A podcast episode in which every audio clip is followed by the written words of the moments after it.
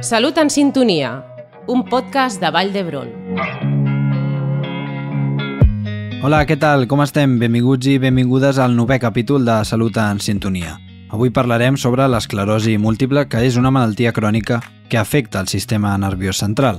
El sistema immunitari reacciona contra la mielina, una substància que recobreix les neurones i que transmet els impulsos nerviosos, fet que en provoca la interrupció o l'alentiment. L'esclerosi múltiple es considera una malaltia inflamatòria i degenerativa. Representa la segona causa de discapacitat neurològica en adults joves entre 20 i 40 anys. Actualment, se'n desconeix la causa i no té una cura definitiva. Acompanyeu-nos en aquesta estona per parlar sobre quins són els símptomes principals, com podem diagnosticar-la i quin és el tractament habitual, entre molts altres temes. Comptarem amb les veus especialitzades dels professionals del campus Vall d'Hebron, el doctor Jordi Rio, neuròleg i cap d'hospitalització del Centre d'Esclerosi Múltiple de Catalunya, i la doctora Susana Otero, epidemiòloga del Servei de Medicina Preventiva i Epidemiologia de l'hospital.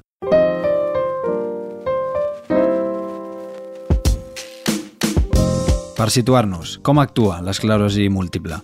Encara que la causa continua sent desconeguda, se sap que el sistema immunitari reacciona de manera errònia contra la mielina, la pèrdua de mielina causa alteracions en el funcionament del cervell, la mèdula espinal o el nervi òptic i pot ocasionar pèrdua del teixit neuronal. A la llarga també pot causar la destrucció directa de neurones. El neuròleg del SEMCAT, el doctor Jordi Rio, ens explica més característiques de la malaltia. L'esclerosi múltiple és una malaltia inflamatòria crònica que afecta a la mielina del sistema nerviós central i això comporta doncs, eh, una pèrdua de funcions neurològiques eh, bàsicament funcions motores, sensitives i visuals, que evolucionen en forma de brots de forma reiterada al llarg del temps. Les zones on es produeix una pèrdua de mielina, anomenades lesions o plaques desmielinitzants, apareixen en el teixit nerviós com zones endurides. Aquestes lesions poden aparèixer en múltiples localitzacions del cervell, la mèdula espinal o el nervi òptic.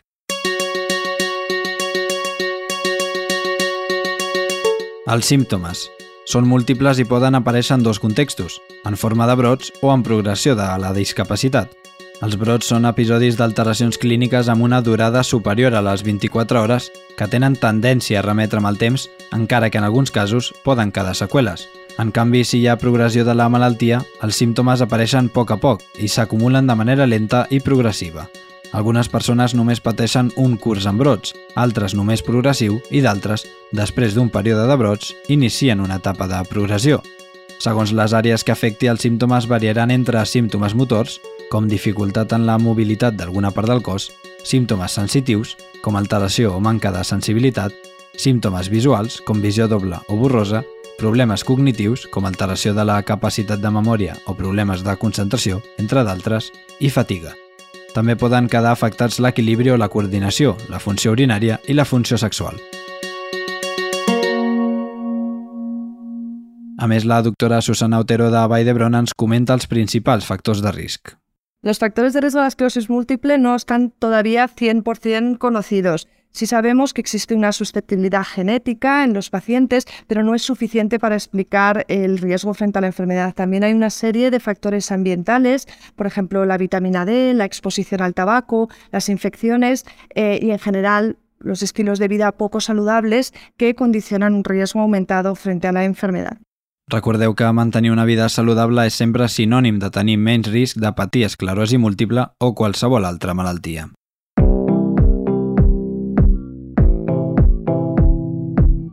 A qui afecta l'esclerosi múltiple?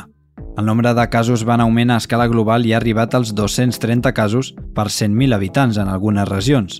A l'estat espanyol la prevalença és al voltant dels 100 casos per cada 100.000 habitants. S'estima que hi ha més de 2,3 milions de persones afectades arreu del món. La doctora Susana Otero ens detalla les dades actuals sobre l'esclerosi múltiple a l'estat espanyol i a Catalunya.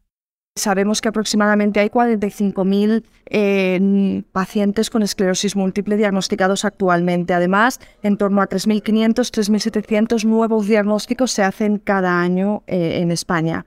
Si atendemos a Cataluña, eh, los datos de los estudios más recientes que tenemos actualmente apuntarían a que hay en torno a 7.500 eh, pacientes con la enfermedad y se diagnostican unos 300 o 400 casos nuevos cada año.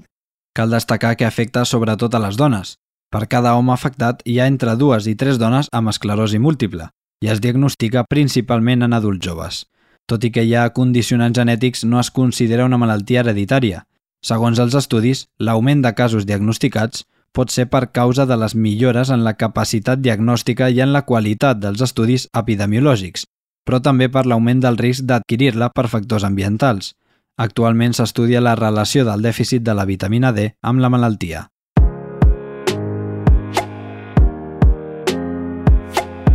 El diagnòstic és complex i es fa a través de l'estudi de la història clínica, l'examen neurològic i, bàsicament, amb una ressonància magnètica cerebral. Aquesta eina permet veure les àrees d'inflamacions que apareixen en els cervells dels pacients amb esclerosi múltiple. I quin és el tractament? Doncs l'esclerosi múltiple es tracta de dues maneres, l'anomenat tractament de fons i el tractament simptomàtic.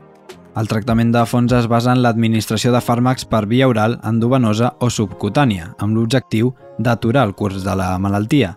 En l'actualitat, el repte és oferir el fàrmac adient per al pacient adient, l'anomenada medicina personalitzada o de precisió, així com de detectar de manera ràpida els pacients que no responen bé a un tractament determinat.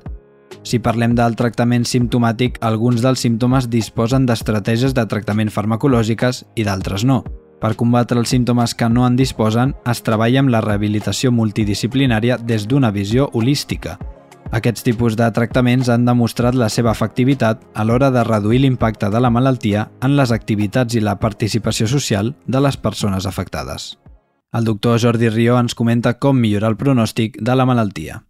Afortunadament, avui en dia tenim eh, eines farmacològiques que permeten controlar molt bé l'esclerosi múltiple, els fàrmacs dels que disposem avui en dia són capaços de frenar l'evolució de la malaltia, aturar l'aparició de nous brots i millorar el pronòstic de discapacitat dels nostres malalts.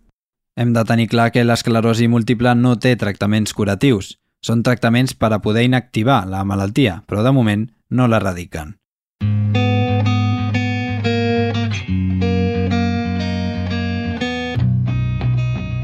Com podem prevenir l'esclerosi múltiple? Encara que no hi ha recomanacions específiques per evitar l'aparició de la malaltia, sí que és important mantenir un estil de vida saludable. La doctora Susana Otero, per tancar les participacions del programa d'avui, ens parla amb més detalls sobre com prevenir-la.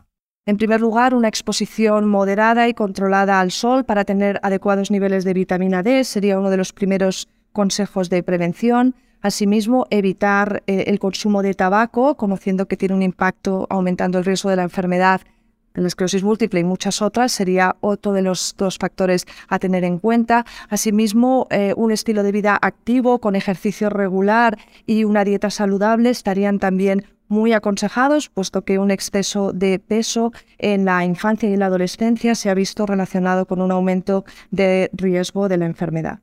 És per això que és important mantenir un estil de vida saludable, ja que afavoreix un millor estat de salut pel cervell i així es pot prevenir l'empitjorament de la malaltia. Les idees clau d'avui, en un minut.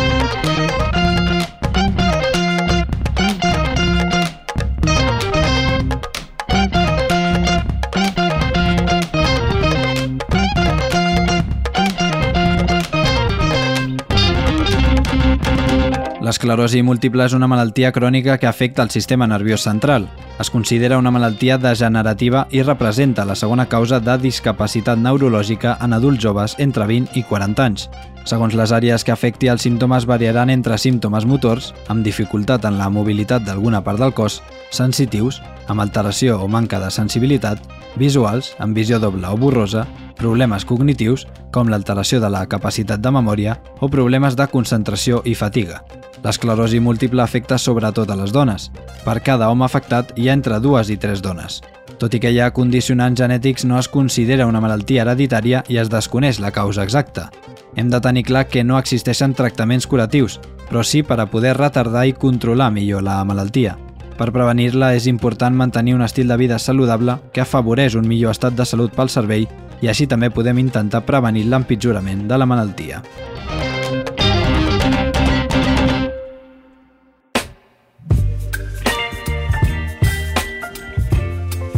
Fins aquí el novè capítol de Salut en sintonia sobre l'esclerosi múltiple. Estigueu atents als següents programes per parlar de més consells de salut, més tractaments, més malalties, però sempre amb veus de professionals assistencials. Gràcies per l'atenció i la confiança. Ens escoltem en el següent programa. Fins aviat. Cuideu-vos. Me